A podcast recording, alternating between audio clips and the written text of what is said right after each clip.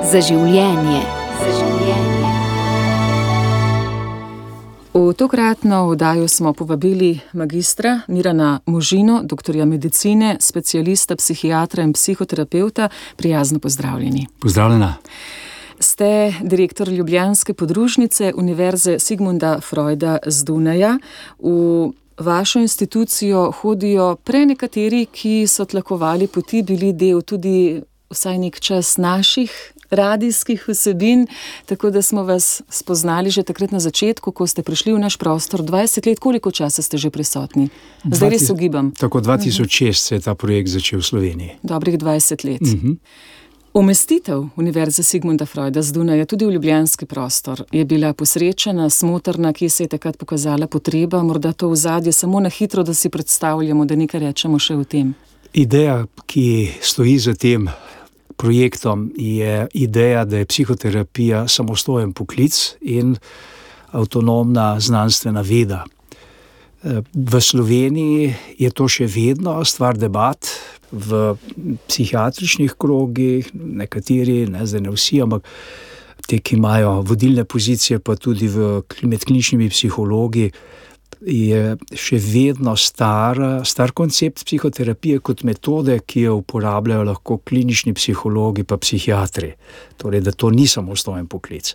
Zdaj, ta ideja samostojnega poklica se je pa v Evropi začela razvijati 91. leta in povezala v vse pravzaprav evropske države, ki vidijo v tem perspektivo. In mi smo se tudi priključili leta 1998 iz tega sodelovanja. Takrat smo ustanovili Slovensko krovno zvezo za psihoterapijo, ki je povezala vsa takrat pomembna društva in inštitute na področju psihoterapije.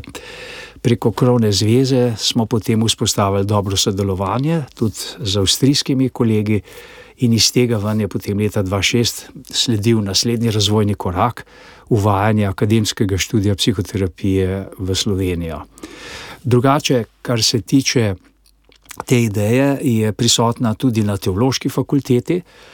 Zdaj, že 20 let, približno, odkar je Kristjan Gostečnik, profesor, takrat uspel z akreditacijo magistrskega študija, relacijske družinske psihoterapije potem tudi doktorski študij. Tako da nismo edini, ki poskušamo akademizirati, kot se reče, psihoterapijo v Sloveniji. Posebnost našega projekta pa je, da pod isto streho povezujemo različne psihoterapevtske pristope, ker psihoterapija ima zgodovinsko gledano nekaj glavnih. Psihoterapevtskih pristopov, kot je psihoanalitični pristopi, potem so kognitivno-vedenski, pa sistemski, potem humanistični in tako naprej.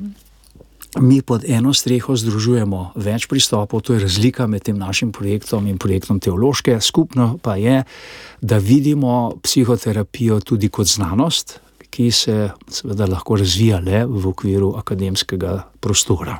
Prav je, da smo to uvodoma pojasnila, no zdaj pa tisto, kar sledi tudi v osnovi eh, knjige, ki ste jo prinesli. Dodo se pogovarja, vaše delo in pa delo Tomaža Flajsa, vodnik po psihoterapiji.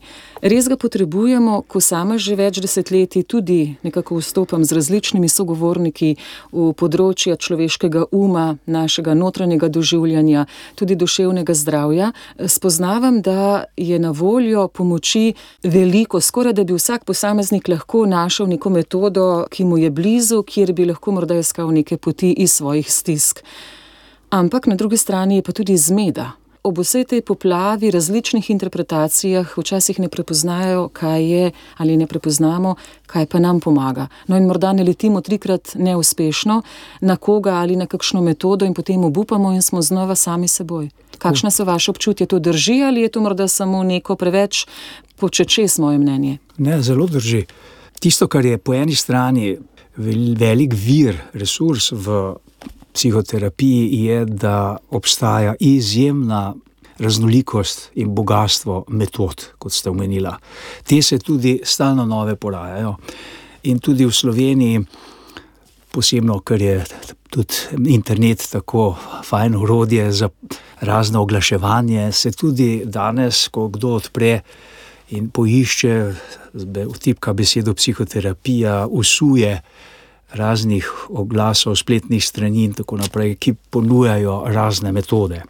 Tisto, kar smo poskušali v tem priročniku, ki ste ga vodniku po psihoterapiji, to je prvi slovenski vodnik za ljudi, ki ne vejo skoraj nič o psihoterapiji ali pa vejo malo in se mogoče odločajo tudi sami za to vrsto obliko pomoči, smo v tem priročniku poudarili ravno to, s čimer sem prej začel.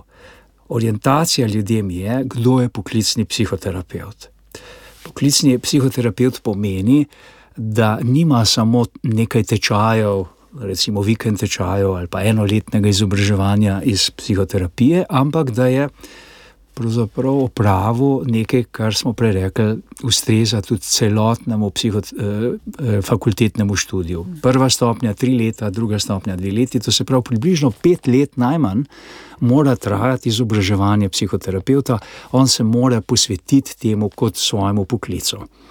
Do tega začetka tega našega projekta Sigmund Freud, Univerze v Sloveniji, je bila možna samo ena pot do poklicne psihoterapevtske izobrazbe. To je bila kot izobraževanje za drugi poklic. To se pravi, da si mogel biti najprej recimo psiholog, zdravnik, socialna delovka. Socialni pedagog, teolog, da si potem lahko šel naprej, še eno bi rekel, celotno izobraževanje. Ne, po petih letih, recimo za psihologa, po petih letih za socialno delo, ko si mogel še potem toliko časa še psihoterapiji posvetiti. To, kar je novost v Sloveniji, kar je uvedla Sigmund Freud Univerza v Avstriji, in potem smo mi to prenesli tudi v Slovenijo, da pa je možen študij psihoterapije takoj po maturi, tako kot za medicino, tako kot za socialno delo in vse te ključne poklice, ki so na področju zdravstvenega varstva, socialnega varstva. Tako da to je zdaj moj nasvet. Poglejte, če imate opravka s poklicnim psihoterapeutom, ne z nekom, ki je mogoče naredil en tečaj iz take metode ali druge metode. Drugi ključni nasvet pa je, da po raziskavah, ki smo jih zelo temeljito tudi prikazali v tem vodniku po psihoterapiji z naslovom Dodo se pogovarja, pa je, da je ključen ta osebni odnos in kvaliteta psihoterapeuta kot osebe. Torej, pri izboru vedno svetujemo, pojte najprej pogledajte, ali je ustrezno kvalificiran terapeut, potem pa pojdite na en informativni pogovor. Sedite se z njo ali z njim za eno uro in preverite, kako vam on ustreza kot oseba, kakšen odnos se je razvil v tej uri. In če je to prijetno občutek, da je tukaj možno zaupati, da ste našli dovolj dobrega poslušalca, ki hitro vstopi v svet, vas razume, potem je to dober izbor. Psihoterapija namreč ni poklic, to je ravno tak paradoks, ne, ki, kjer niso metode tako pomembne, ampak ključen je ta kvaliteta terapevtskega odnosa, kvaliteta terapeuta kot osebe in med temi kvalitetami tudi to, kako upošteva povratno informacijo od klienta, da kaj mu je všeč, recimo od klientov v terapiji, kaj mu ni, da prilagaja potem obravnavo vsakemu klientu posebej njegovim specifikam. To je tisto, kar ponavadi in tudi v priročniku zelo poudarjamo. Torej, še enkrat, preverite, ali gre za poklicnega psihoterapeuta, in drugo, pojdite na nek uvodni informativni pogovor in preverite to doživetje enega urnega pogovora z njim, je to oseba, ki vam ustreza ali ne. Dodo se pogovarja je naslov avtorjev Tomaža Flajsa in Mirana Možine, vodnik po psihoterapiji. Naša vdaja je prvenstveno namenjena pogovorom o odnosih, tudi o vzgoji. Kako vzgajamo, kaj bi rekli v vseh teh svojih izkušnjah, dolgoletnih, ko sem brala vso to delo, ki je za vami že eh, narejenega in storjenega, ta hitna ocena, koliko mi sploh poznamo človeka. Človek bo vedno ostal skrivnost v mnogih dimenzijah svojega doživljanja, bivanja. Zaradi tega, ker tudi, če gledate, kar je sodobna neuroznanost pokazala, ta potencial naših možganov, ki so tako kot ključni organ ki vse nekako koordinira, eh, vse fiziološke funkcije, tudi to, kar imenujemo psihološki vidik, socialni vidik, tudi duhovni vidik. ima neverjeten potencial. Ne? In nikoli tudi znanost, čeprav je naredila ogromne korake v tem smislu, da bi proučila možgane, ne bo prišla do konca. Ne bo. Recimo, če se zdaj vrnemo k vzgoji. Jaz mislim, da tisto, kar vidim in me veseli v zadnjih 20 letih, da tudi v Sloveniji se veča zavedanje o pomenu teh razvojnih faz našega organizma, da kaj je treba upoštevati pri novorojenčku, kaj je treba prištevati pri dvoletnem otroku, pri predšolskem otroku, potem kaj je to šolsko obdobje, kaj je potem najstniško obdobje. Recimo, da dam en preprost primer, ki je za najstnike relevanten. Ena značilnost vzgoje najstnikov je, da je to nemogoč projekt, skoraj, da če se malo pošalim. Zaradi tega, ker dober mladostnik je tisti mladostnik, ki je pravzaprav eh, nenormalen. Nenormalen mladostnik je že sumljivo, da nekaj ne štima. To se pravi, mladostništvo je obdobje, kjer mlad človek pravzaprav preizkuša vse možne meje, do kje, kaj, ne ve dobro, kdo je on, ne, in se potem tudi spušča v razne eksperimente, da bi dobil neko izkušnjo in odgovor, sem, kdo sem jaz in kaj pravzaprav hočem. No, in zdaj nekaj opažamo pri mladostnikih, da zelo težko predvidevajo in upoštevajo posledice svojih dejanj, recimo, ki so včasih zelo tvegana vedenja. Ne? No, in zdaj starši dolgo vzgoje veljalo, da morajo naj bi starši in odrasli skozi opozarjali mladostnike, pazili na njih in tako naprej, da jaz se ne bo kaj eh, nevarnega uh, zgodilo. No, zdaj smo pa ugotovili, da ta čelni režim možganov dozoreva tja do 25. leta. Kaj to pomeni? Čelni režim možganov je tisti, ki omogoča integracijo vseh teh funkcij, rečemo, duševnih in pa tudi načrtovanje. To se pravi, da mladostnik biološko še ni zrel, da bo svoje dejanja zelo preverjal z perspektive prihodnosti in posledic. On je podeloval pač svojem zrelosti organizma primerno na podlagi hipne ocene, hipnih tudi recimo užitkov, In na to moramo računati. Zdaj, če starši skozi težimo ali pa težijo, ne, pa kako nisi pomislil, pa pomisli, recimo, uh, se mu ne da učiti, pa mu starš reče. Pa poglej, potem ne boš mogel se na fakulteto upisati, ne boš dobil službe. Kaj je to? Ne, to je nepredstavljivo za mladostnika. No, take dragocene stvari se zdaj eh, imamo po eni strani, ne, torej marsikaj po drugi, pa seveda eh, točnega odgovora zdaj na to, recimo, kaj je vzgoja, ni in ga, po mojem, tudi ne bo. To je eno vprašanje, ki bo večno izziv, tudi če bomo odkrili recimo, zelo veliko koristnih načel. Kako to izpeljati v praksi, z dneva v dan, eh, en starš, ki je enkraten, z enim otrokom, ki je enkraten, to bo vedno izziv.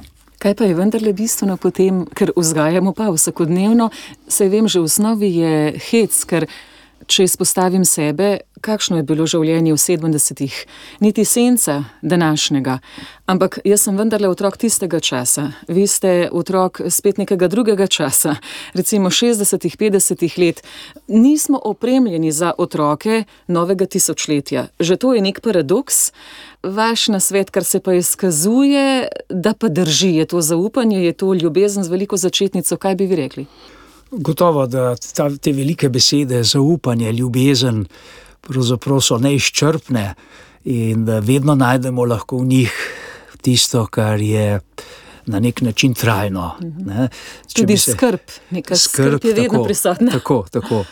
Eh, in um, gotovo, če gledamo korenine naše civilizacije, grške, krščanske, lahko rečemo, da so bile te teme o umetnosti, recimo ljubezni, ne, ne v tem oskem smislu, samo umetnost ljubezni, erotične, ampak uh mhm. -huh. oni, že Grki so imeli te, se veste, več dimenzij ljubezni. Imeli so ljubezen tudi poleg te erotične, seksualne, so imeli tudi prijateljske, potem v zadnji, ne, zadnja največja je pa ta kozmična, to se pravi, da se človek odpre v tem neki sočutju in srčnosti do najširše možne perspektive, ne, ki vključuje tako živi svet, kot tudi to našo povezanost z neživim svetom. Tako.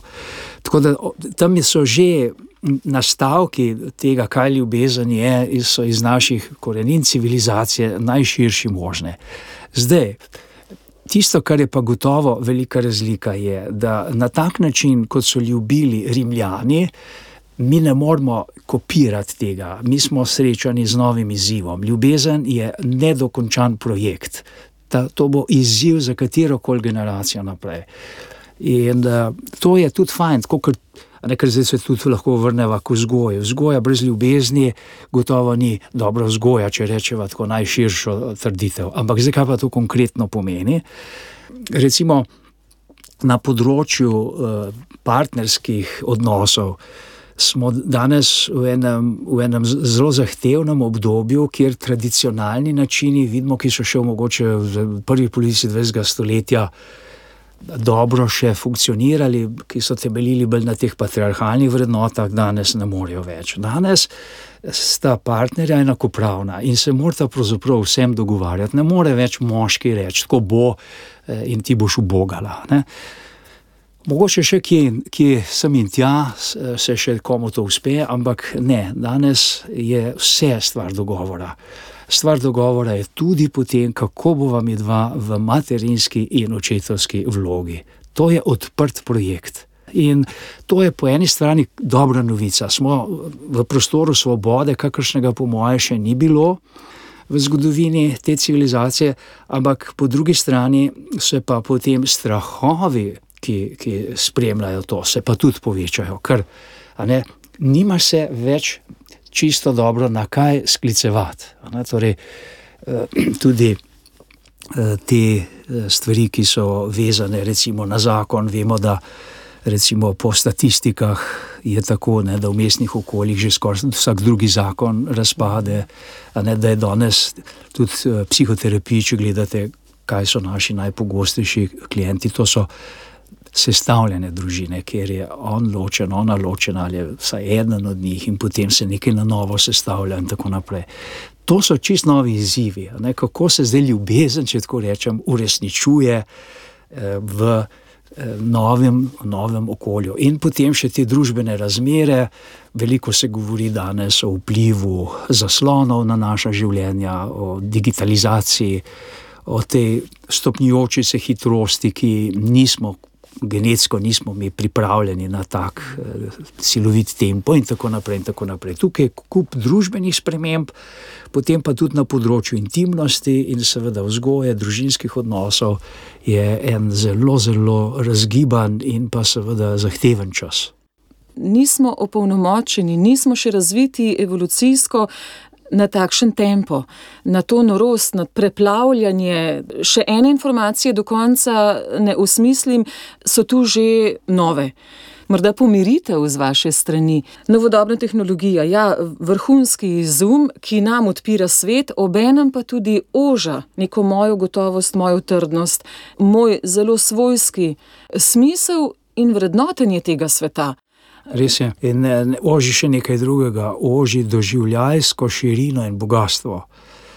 Ker bivanska matematika, tako kot je moj priljubljen, eden od mojih priljubljenih pisateljev, Milan Kundera, napisal, je velja zelo preprosta formula. Hitrost je obratno sorazmerna z kvaliteto doživljanja, hitrost poplitvi doživljanja. Ne? Recimo, nekdo, ki hiti za neko tudi eh, duhovno doživetje, tukaj ni prostora. Večkrat rečem klientom, ki pridejo k meni na pogovor iz prepolnih urnikov, hitijo. Prihitijo na seanso, se mi opravičijo, ker so dve uri zamudili, so pihajo, In potem naj bi se mi dva pogovarjala, tako da bi oni našli stik s seboj. Ponavadi začnem pogovor tako, da rečem, kar umiro, malo se oddahni, lahko celo malo zapreš oči. Ne te duša ujame, rečem. Ker če ne, da ne lahko tu le se pogovarjava, pa bo hitro minila ura nekega preklapljanja iz ene teme na drugo, ampak ne bova pa prišla k tebi, ne k temu, kar je ta trenutek res zate v tvojem trenutnem doživljanju pomembno, kar je neka tudi globlje čustvo, ne, ki mogoče čaka na tvojo pozornost. To je dosta običajno danes, ne, da rabimo zelo veliko zavestne tudi usmeritve, kako se upočasniti. Vsak dan. Ne, ne čakati, je še to, še to, še to, še to, pa potem bom za vikend mogoče imela nedeljo, ali pa oh, se zdaj le prihajajo prvomajski prazniki, zdaj pa res lahko na fula, ne, da bom potem eh, tam si oddahnila. To je račun brez krčmarja. Eh, tisto, kar, kar je ključno za duševno zdravje, je, da kljub tej naglici, tudi kljub preplavljanju vseh možnih informacij, še bolj pazimo na te drobne otoke upočasnevanja. Ko samo smo, če se vrnem še malo k nevroznanosti, nevroznanost je ugotovila, da obstaja delovanje možganov, da so različni vzorci delovanja možganov, ki, kot vemo, delujejo neprestano. Možgani so izjemno dobra naprava, ki podpre kakršen koli usmeritev k cilju, da lahko se dobro organiziramo in dosežemo nekaj. Vendar, ne, če možgani vsakodnevno nimajo tudi tega praznega teka, da jih damo v ler, temu pravijo stojko default mode. To je precej zanimivo raziskovanje. Možgani, kader ne mislim na ničesar, kader nisem storilnostno in eh, ciljno usmerjen, delajo nekaj izjemno pomembnega, kar nam omogoča to, da vzdržujemo neko uh, duševno ravnovesje, pa ne samo to, če hočemo tudi ustvarjalno živeti, možgani rabijo ta ler, ta prazni tek. Da bodo potem, ko jim bomo spet dali nalogo, dosti bolj ustvarjalni, ne samo učinkoviti. To je danes velik, velik izziv. Porast teh anksioznih motenj, ki je najpogostejši, eh, pa depresivnih, mešanih, ne, ki je najpogostejši pritožba, s katero prihajajo k psihoterapeutom ljudi, ljudje. Jaz vedno, eh, kadar, če se nekdo res hoče nekaj narediti na tem, rečem: Mi dva moramo začeti, kako recimo ti začneš dan. A kar skočiš, spiš do zadnje minute zjutraj in potem skočiš v ta stres, naglico, ali imaš ta prehod iz spanja vsaj pol ure v boljšem primeru eno uro, da iz tega spanja počasi preideš potem v to storilno. To je recimo pri ljudeh, ki so že eh, tako daleč, da so izgubili ravnovesje in imajo določene anksiozno-depresivne simptome, recimo ključna stvar, ne, ena ključnih stvari, seveda tudi druge, ampak ta higiena vsakdanja, kje so ti moji otoki, ko sem samo sem bolj, ne, da še ne počnem nekaj z nekim ciljem, to je izjemno pomembno v tem času. Prav jutranje obdobje ima dragocenost ali je pravzaprav vseeno, kdaj se ga vzame? Ne, jutranje obdobje ima eno posebno dragocenost zaradi tega, ker ta prehod iz spanja v budnost, eh, če je sunkovit, je stresen. Ne? ne more biti drugače. Torej, eh, vsa ta fiziologija jutranja se ne more eh, takoj pognati. To ni tako, kot bi prižgal motor in takoj lahko pritisnem plin na 1000-2000 obratov. Ne, človeški organizem ni tak. In eh, problem, ne, ki, o katerem se veliko govori, je, kako obvladati stres v teh sodobnih načinih življenja. In ta za zaposlene ljudi, za ljudi, ki imajo poleg služb še družino in tako naprej, je zelo pomembno, čeprav zmanjkuje časa skozi, da je, če se le da jutro, vsaj, kot sem rekel, mogoče tudi deset minut je boljše kot nič, da si daš to, da kolikor se da počasi vstopi. Vse to čuti človek v telesu, kdaj storiš telesu silo, to se da naučiti da prepoznaš te drobne, nežne signale stresa. Ne? Ker telo, če ne spoštuješ teh nežnih signalov, potem se okrepi, ne? da postanejo vse bolj moteči, da te prisili potem. Naj, najmočnejši znak je izgorelost, ko enostavno se stikalo v telesu, to pa res lahko rečem, kar obrne. To poznamo, kup teh zgodb znanih ljudi, pevcev, recimo, ki so sredi enega nastopa kar padli po tleh, kot kar bi nekdo izključil izključil to stikalo in to je tista skrajna stopnja izgorelosti, rezultat kroničnega stresa. Tako da to, kako s kroničnim stresom, to je res ključno in ta jutranji čas za tiste, kot sem že rekel, ki so že tako daleč zabredli, da se pojavijo močnejši anksiozno-depresivni simptomi, brez tega se ne bo popravilo. Če so moji podatki, ko sem raziskovala, pravšni, prav zakonski par je bil prvi, ki je prišel do vas, ko ste imeli zasebno prakso. Sicer ste vse povsod aktivni, danes, kot smo rekli, tudi direktor Ljubljanske podružnice Univerze Sigmunda Freuda z Dunaja, pa tudi nasploh ste v več teh raziskovalnih enotah, vodite številne projekte. O družini bi rada še kakšno vaše mnenje. Kako pomembna je vendarle družina kot ta zaslomba, čeprav se morda družina, kot sva rekla, razpusti ta prvotna, pa se sestavi kakšna druga. Kaj je vendarle pri družini ključno, da bi ustala to neka kakovostna bivanska, no, če spet uporabiva to bivansko matematiko, ki ste jo omenili, kakšen simpatičen izraz, da je ta bivanska enota kolikor toliko stabilna, da recept deluje. Ja. Tisto, kar je osnova, se mi zdi tudi po sodobnih psiholoških raziskavah v medsebojnih odnosih, je uglašenost. Začniva pri tej osnovni. Osnovnem konceptu, namreč, če pogledate dojenčka, kaj on rabi, on ne rabi, recimo, pametnih razlag, ker jih še ne more razumeti. Ne? Njegov racionalni del možganov, če tako rečem, se razvija veliko let. Kaj je pol tisto, kar je ključno? To, da se v prvih mesecih tisti, ki skrbi za otroka, uglasi recimo na njegove ritme. Hranjenje, izločanje, budnost, spanje, pomemben trenutek dojenje, se je pokazalo, da pravzaprav otrok se nahrani v par minutah, rad pa je na dojki, recimo še dodatnih 10-20 minut ne zaradi hranjenja, čeprav sem jim tja še malo tako pocuka, ampak nekaj se tam dogaja, kar je seveda v dobrem primeru uglašenost. Da on uživa v tem, da je skupaj z drugim bitjem in tukaj se potem nekaj gradi v njem.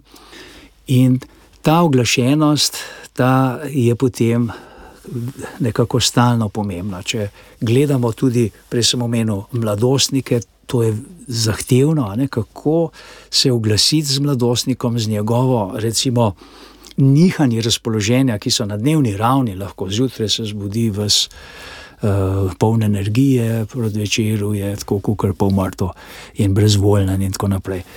Ne, to je velik izziv, kako se zdaj mi priključimo na to čustveno vzdušje, kako ga oblikujemo. No, in, sooblikujemo v družinskih odnosih. In gotovo družina za me pomeni, da živiš ne, dnevno, da se srečuješ skoraj dnevno z ljudmi, ki ne samo brzijo drug drug, mimo drugega, ne, ne samo opravijo čim več stvari, ne, ta storilni vidik, ampak, če sem prej govoril, kako je pomembno, da se upočasnimo sami.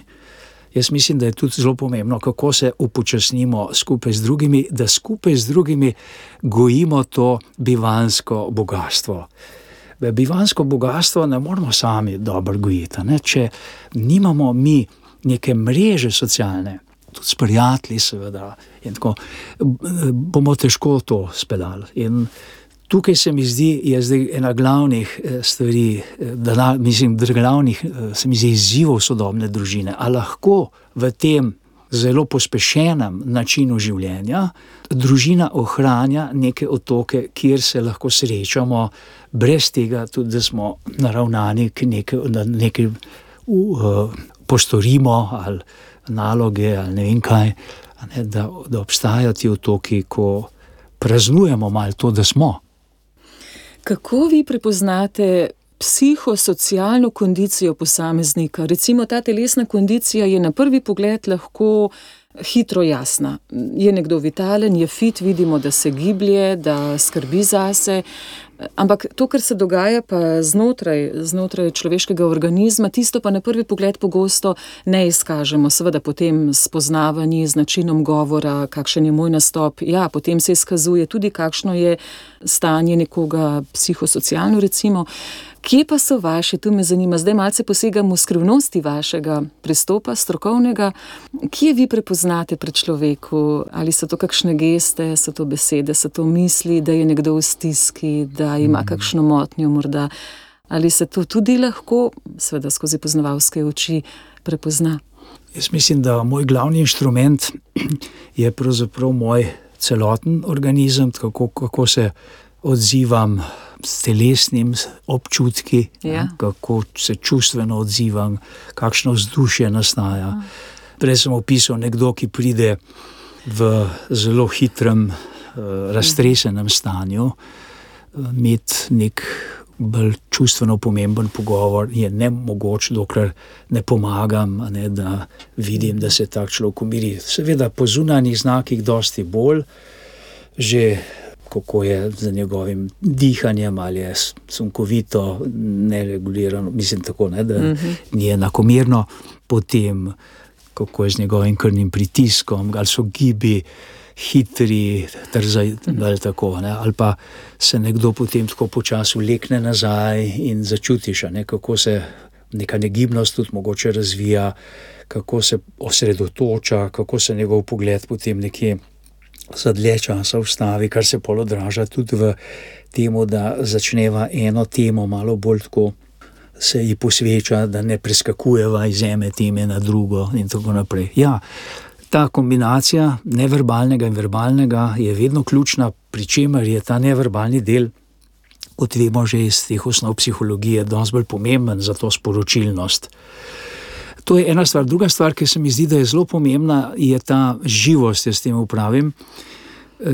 Nekateri ljudje so lahko na prvi pogled zelo vitalni, pa ta živost manjka v njih. Recimo raziskave, ki so jih upravili na inštitutu Antona Trstenjaka, Jože Romovš in njegova žena Ksenija, so zelo zanimive. Oni so ko so raziskovali starejše ljudi, prišli do zanimivega pojava v, med slovenskimi, recimo, starejšimi ljudmi.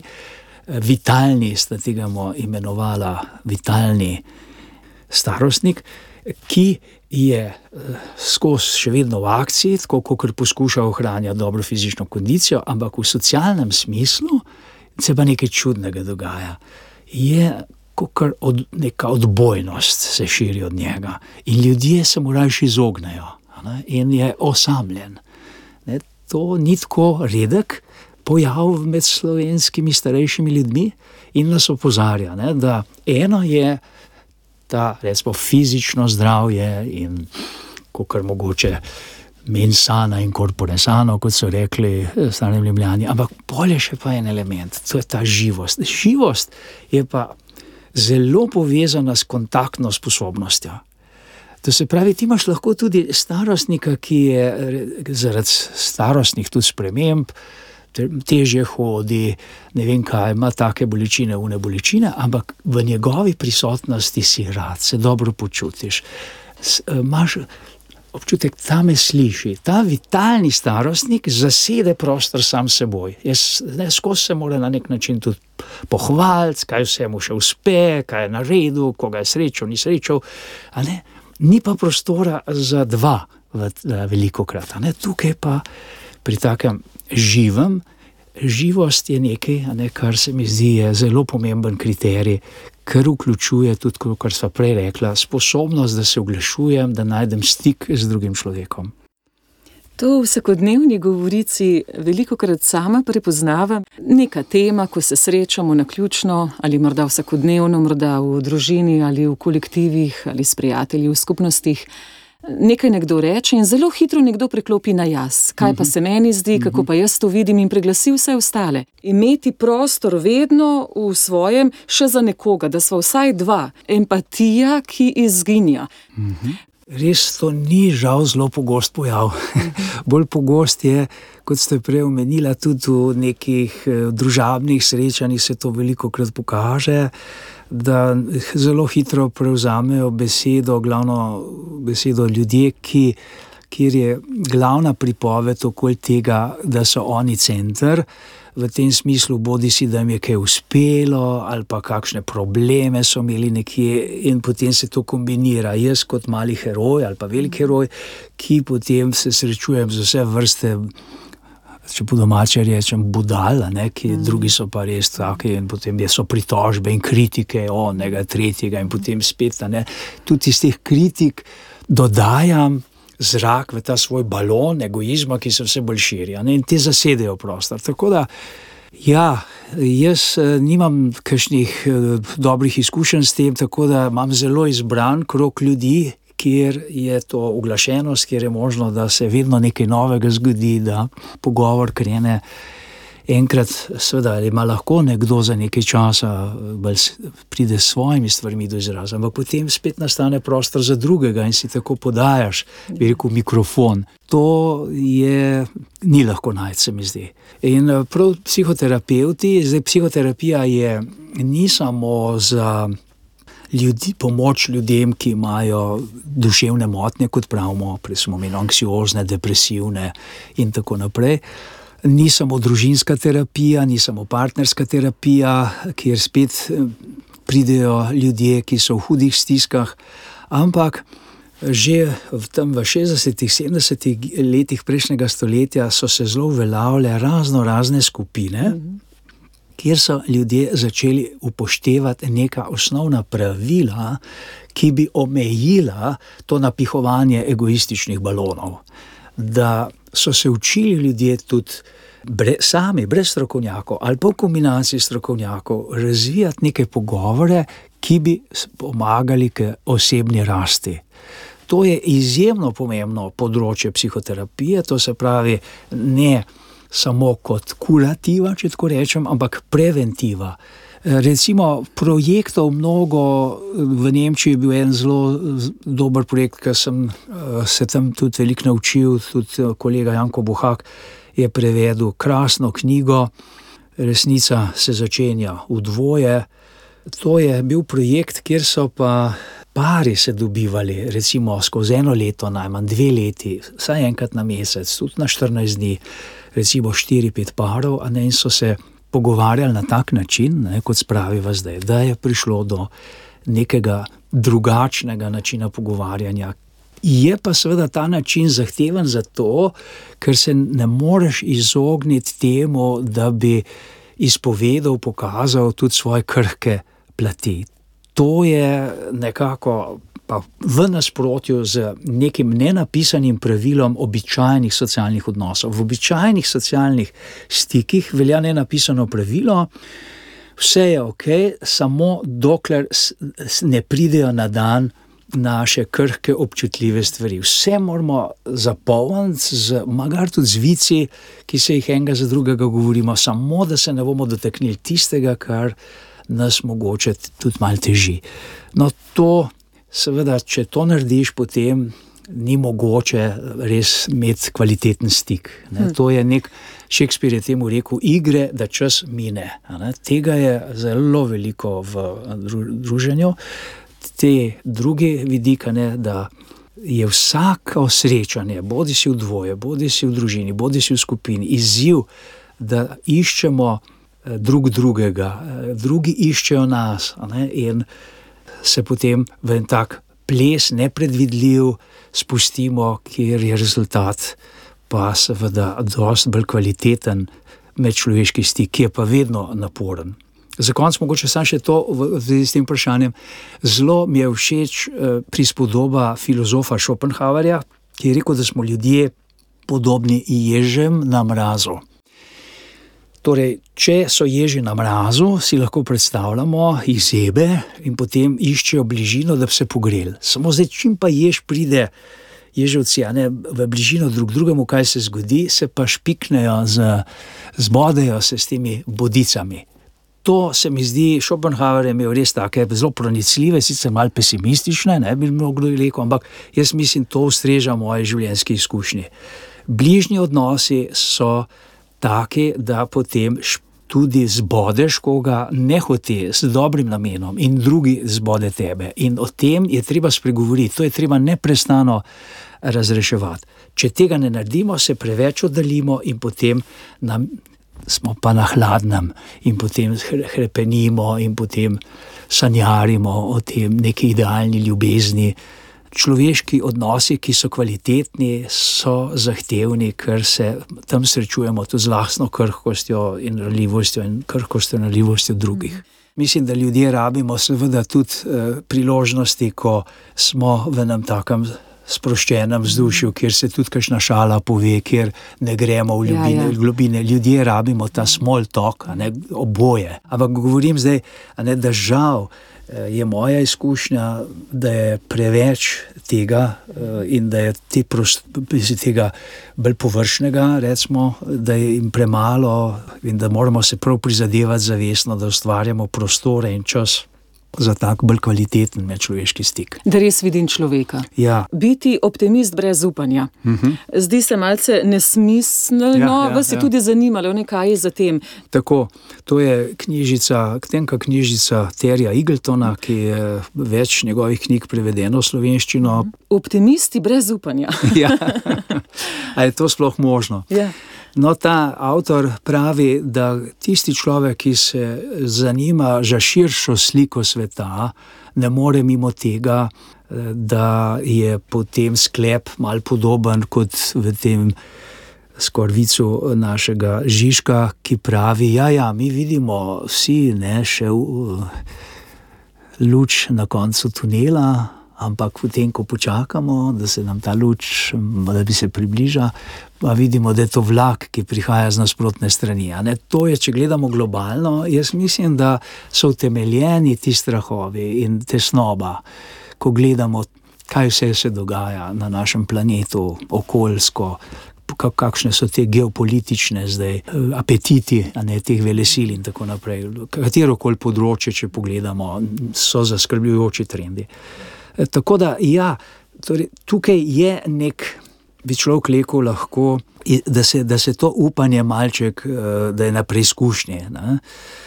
Nekateri na to odgovorijo z takim preskokom v načelni optimizem. Ah, se bo, še vedno se je dobro išlo, se bo pa tudi nekako. To je ta. V Jugoslaviji smo imeli en lik eh, iz ene humoristične nadaljevanke, Dudek, ki je tako rekel: nikad ni bilo, da ne bi nekako bilo. Ja, ne? Nekaj že bo. Nekaj že bo. Ne? In lahko smo tako kot vojak švejk, vedno malo z nasmehom na obrazu in tako naprej.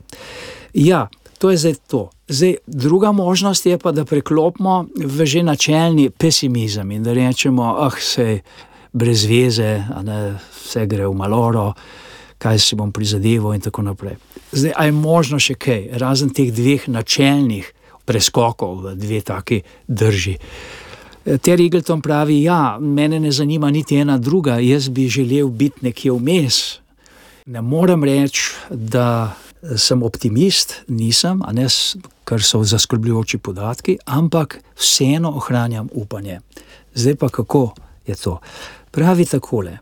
Dokler mi lahko govorimo, dokler imamo možnost take svobode govora, izražanja, da tudi to naše sporočilo pride do drugih, ki nas slišijo, da se potem lahko skupaj povežemo ne, v tej, recimo, oceni ali pa ekspresiji nečesa, kar, kjer smo danes, kot, tudi kot civilizacija, potem je upanje.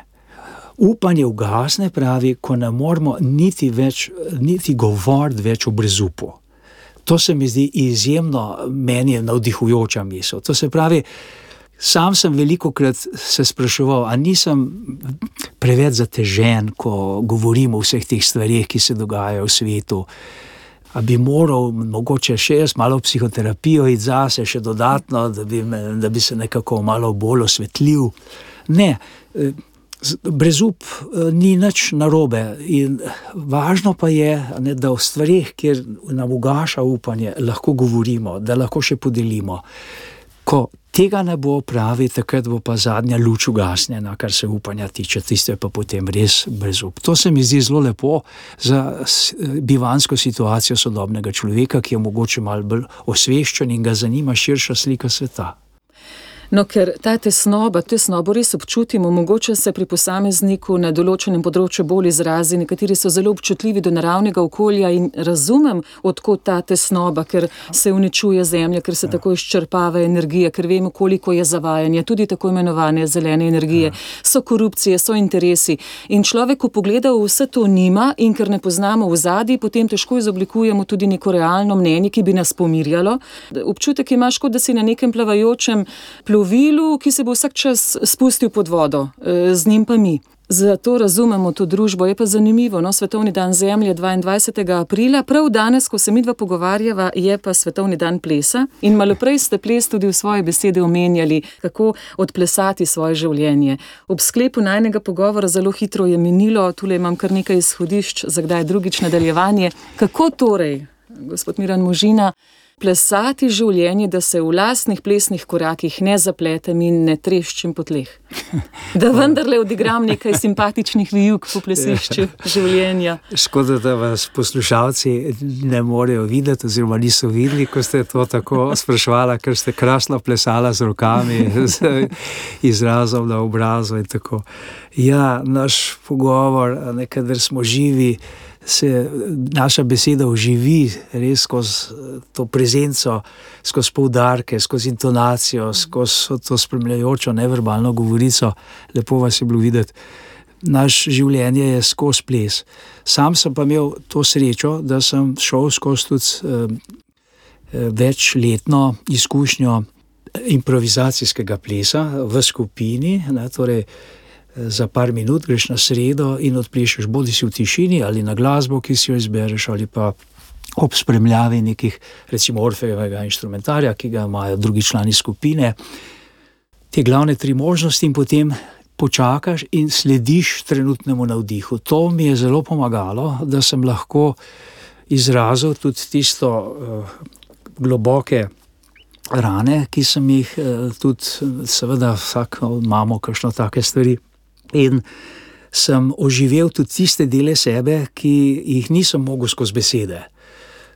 Ta izkušnja mi je potem odprla oči za ta širši vidik plesa, ki sem ga zdaj opisal, ki se skozi dogaja v naših odnosih. In recimo ena mojih takih. Hobijev, če tako rečem, ko grem na počitnice in recimo grem na plažo, sedim pod kakšnim borovcem in tam je kup nekih družin, otrok, starejši, mlajši, pari, samski, vse možno. In potem opazujem oddaleč, ker ne slišim, kaj drug drugemu govorijo samo to, kako oni plešajo to svojo komunikacijo. In je neverjetno, kaj se lahko zaznaš. Družino, kjer že takoj vidiš, ne, da so malo bolj kot osamljeni planeti. Družino, kjer se preveč, recimo, otroci lepijo na, na druge, skozi nekaj hočejo, čeprav jih starši malo odgaljajo. In tako naprej. Neverjetno se da razbrati veliko o naši živosti, o naši kvaliteti bivanja, odnosih iz tega plesa naših eh, obrazov, naše mimike, naših rok in drž in tako. Iskrena hvala. Še ena zelo simpatična vaša misel je: Vem, da ne veste, da veste. Yeah. Ja. Ali vas presenetimo ljudje? Drži, da bi marsikdo zase vedel odgovoriti, eh, česa bi moralo biti, naj bi bilo v njegovem življenju več, kje je premalo dela na sebi, da imamo mm. te stvari v sebi. V tem priročniku, ki smo ga omenili, je to ključna misel, da tisti, ki ima največji vpliv tudi na psihoterapevtski izid obravnave, je klient sam. To velja v celoti. Odgovori, ki so nam res lahko v pomoč, so v nas. E, noben ne more na mesto nas odgovoriti. Psihoterapeuti se tega zelo zavedamo, tega se je še Sokrat zavedal, ki je sebe imenoval babica je rekel: on, Jaz vem, da nič ne vem. Tisti, ki ve, si ti, jaz ti lahko pomagam kot porodničar, da se tvoja resnica izlušči iz tebe. V tvojih odnosih, v tvojih vsakdanjem življenju. Jaz sem kot porodničar za to, da boš spoznal, da veš, da, je, da jaz vem, da ti, ti ne, ne veš, veš, da veš. Da veš. Tako, ja. Ja. To je že od Sokrata, ne, ta tradicija. In to je ta tradicija spoznavaj samega sebe. To je projekt, ki eh, se mi zdi ključen tudi za preživetje naše civilizacije. Samo refleksivnost, ta sposobnost, da se ozremo vase in da najdemo vire v sebi, ki jih do zdaj nismo našli ali pa spoštovali, uporabljali, to je, to je ključno, kar rabimo. Potrebujemo pa spodbude in verjamem, da je bila ena takšnih spodbud eh, za koga vsaj tudi najmen pogovor. Priplesala sva do konca, verjamem, da bova še kdaj ob tej melodiji besed imela priložnost, da odpleševa kakšno enourno vdajo Hvala lepa za pogovor, za obisko studiu, magistr Miran Možina, doktor medicine, specialist, psihiatr in psihoterapeut, direktor Ljubljanske podružnice Univerze Sigmunda Freuda z Dunaja, tudi avtor te knjige, mislim, da je ena zadnjih. V soavtorstvu s Tomažem Flajsem, Dodo se pogovarja, vodnik po psihoterapiji. Ob tej knjigi lahko poslušalci nadaljujejo, nekaj izhodišč sva dala. Hvala za to sobotno druženje in so prazniki, da bi se izpraznili za tisto, kar vam je ljubo, morda tudi za kakšno posedanje pod borovcem. Absolutno. Hvala tudi vam želim enako. Hvala za povabilo. Hvala za obisk in pogovor. Za življenje.